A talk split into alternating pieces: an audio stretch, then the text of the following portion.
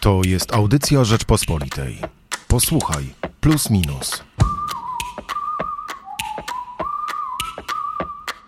A dzisiaj porozmawiamy o sporcie.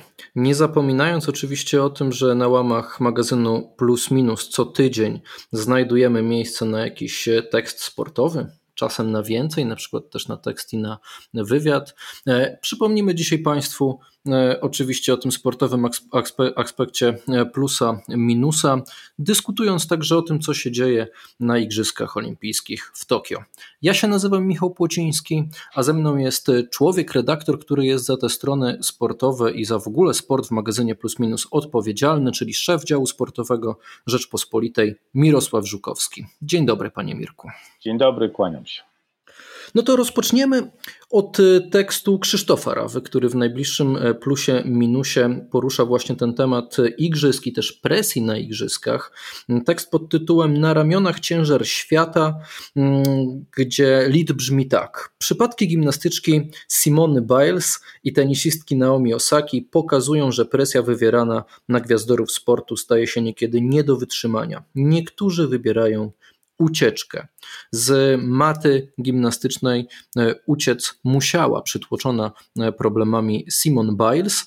E, to jest tutaj w tekście Krzysztofa Rafy cała sytuacja opisana, opisana też kim i dlaczego kimś naprawdę ważnym dla gimnastyki i dla amerykańskiego sportu jest Simon Biles. Ja przyznam szczerze, że przed naszą rozmową, panie Mirku, nawet musiałem sprawdzić, jak się dokładnie jej imię czyta, bo nie byłem pewien. Nazwisko gdzieś tam się mi pojawiało oczywiście, że to wielka gimnastyczka, ale nie do końca byłem oswojony z jej imieniem, też dlatego, że chyba my w ogóle w Polsce nie do końca jesteśmy oswojeni z tym, jak ważnym sportem w niektórych krajach jest gimnastyka, prawda?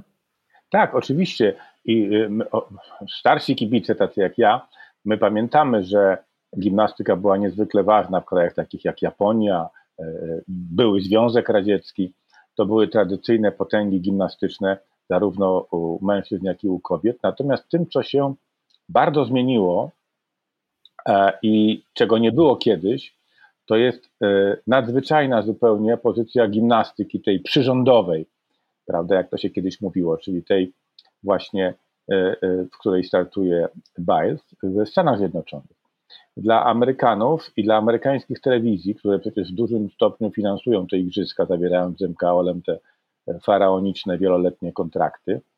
E, gimnastyka jest jednym z liderów oglądalności zupełnie, na równi z pływaniem lekkoatletyką prawie. I Amerykanie właśnie od czasu, kiedy, e, kiedy małżeństwo Karolich, to byli tacy Rumuni, którzy wychowali Nadię Comaneci, no, metodami takimi, o których Krzysztof Rawa zresztą też wspomina w tekście, takimi dosyć wojskowymi, wprowadzili e, ten właśnie taki treningowy drill w Ameryce, wychowali wielu sportowców e, wybitnych zupełnie, gimnastyków amerykańskich. I jedną z, i ukoronowaniem tego jest właśnie Simona Biles, która w Ameryce jest absolutnie e, postacią ikoniczną i nie waham się tego powiedzieć, poza sportami tymi zawodowymi, czyli NBA, baseballem, futbolem amerykańskim, czy w mniejszym stopniu hokejem, to w tak zwanym sporcie kiedyś się mówiło olimpijskim, to znaczy amatorskim, w tej chwili amatorskiego już nie ma, to jest chyba postać numer jeden, dlatego jej e, wycofanie się igrzysk, kiedy ona miała być naprawdę obok e, Kaleba Dressela, pływaka, miała być e, absolutnie pierwszoplanową postacią amerykańskiej reprezentacji, to, mm, no to wywołał taki szok. I, I ten pretekst, taki sam właśnie jak o jakim słyszeliśmy e, przy okazji Roland Garros u Naomi Osaki. Naprawdę czuję, że czasami mam na barkach ciężar całego świata, napisała Biles w mediach e, społecznościowych. E, tutaj Krzysztof Rawa próbuje też e, domyśleć się, jak na, na to przytłoczenie, presję, jaka spada na sportowców, mogło mm, wpłynąć przełożenie igrzysk o rok, prawda? Że te przyzwyczajenia, ustalony trening, reguły działania, czteroletni cały okres przygotowawczy został absolutnie przez pandemię e, koronawirusa e, zaburzony. Myśli Pan, że rzeczywiście te igrzyska e, mogą być szczególne pod tym względem, że, że, że sportowcy musieli się dłużej do nich przygotowywać? Ja myślę, że to jest tylko połowa prawdy, a drugą połową jest to, że to nie były zwykłe przygotowania, to były przygotowania w reżimie koronawirusowym, to znaczy trening e, w samotności, trening utrudniony, brak zawodów, e, e, w których można wystartować. I przede wszystkim to wszystko, co dokuczało nam, no to znaczy wrażenie takiej niepewności. Nie wiadomo było, czy te igrzyska będą, kiedy będą. Do ostatniej chwili mówiło się, że, że, że mogą być odwołane. I to wszystko razem oczywiście e, sprawiało, że sportowcy no, czuli się jacyś e, tacy mniej pewni, rozedrgani, bo, bo, bo e, no, jednak przygotowanie do igrzysk to jest bardzo taki mm, poszatkowany w czasie proces. Oni wiedzą, co mają robić w określonym momencie, żeby ta forma przyszła właśnie na igrzyska. I to przełożenie rzeczywiście wywołało pewnie jakieś dodatkowe psychiczne napięcia, ale mnie się wydaje, że że jeszcze bardziej, mm, że jeszcze większe znaczenie ma tutaj to, że właściwie dzisiaj sportowiec, już o gwiazdorze nie mówiąc, no tak po prostu biorąc pod uwagę obecny e, świat e, e, mediów społecznościowych, kolokwialnie mówiąc, nie ma gdzie się schować. Znaczy, jeśli ktoś jest już osobą publiczną, jeśli, a jeszcze nie daj Boże, tak jak właśnie Osaka czy czy, czy Biles ma za sobą jakieś trudne pozasportowe życie, no to ten nacisk mediów e, i sponsorów, którzy wymagają nieustannej obecności w mediach społecznościowych, no nie wszyscy to wytrzymują. Jak e, mnie się wydaje, że my tak zapatrzeni jesteśmy w takich gwiazdorów e, internetu, jak nie wiem, Cristiano Ronaldo czy Robert Lewandowski, którzy potrafią z tego wyciągać same frukta. Ale są też tacy, którzy tego nie wytrzymują. I wydaje mi się, że że to jest nowy aspekt, o którym Krzysztof Raba też zresztą pisze, bo mnie się wydaje, że, że to jest najistotniejsza zmiana w porównaniu z idolami z czasów przedinternetowych, że oni mogli się wyizolować. Oni, jeśli chcieli być gdzieś na bezludnej wyspie, to byli. Dzisiaj bezludnych wysp już nie ma. No, problem jest w tym, że do mm, oświadczenia Naomi Osaki, do jej wycofania się mm, z French Open, w ogóle chyba o tym nie dyskutowaliśmy i nie traktowaliśmy tego poważnie.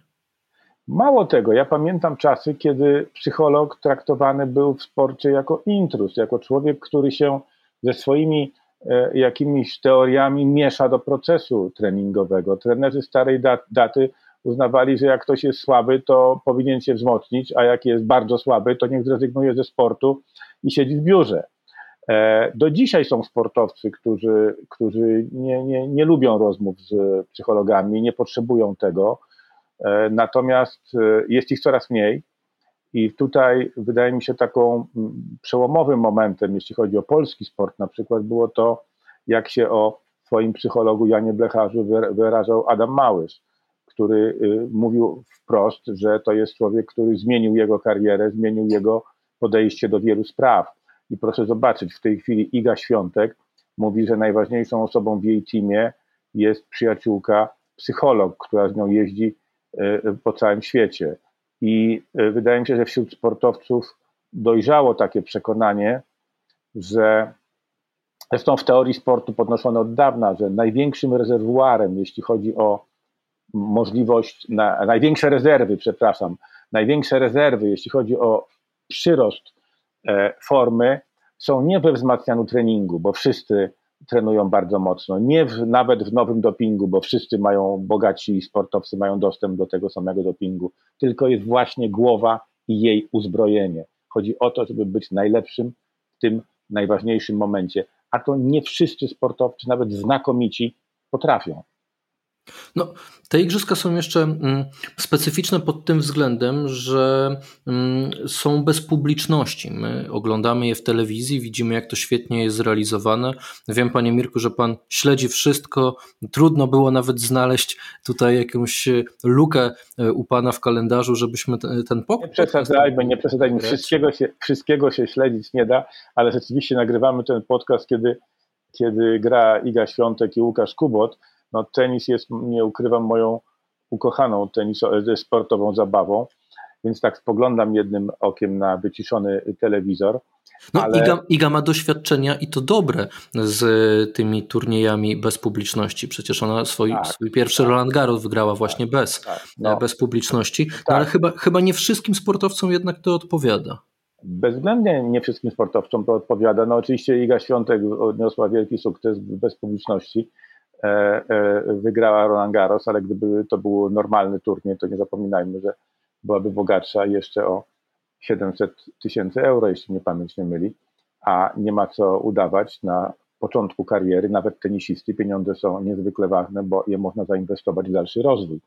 Natomiast tak, tak, e, ta, ten sport bez publiczności to jest rzecz nie, nie, niezwykle smutna dla mnie i to moim zdaniem w dwóch e, kontekstach.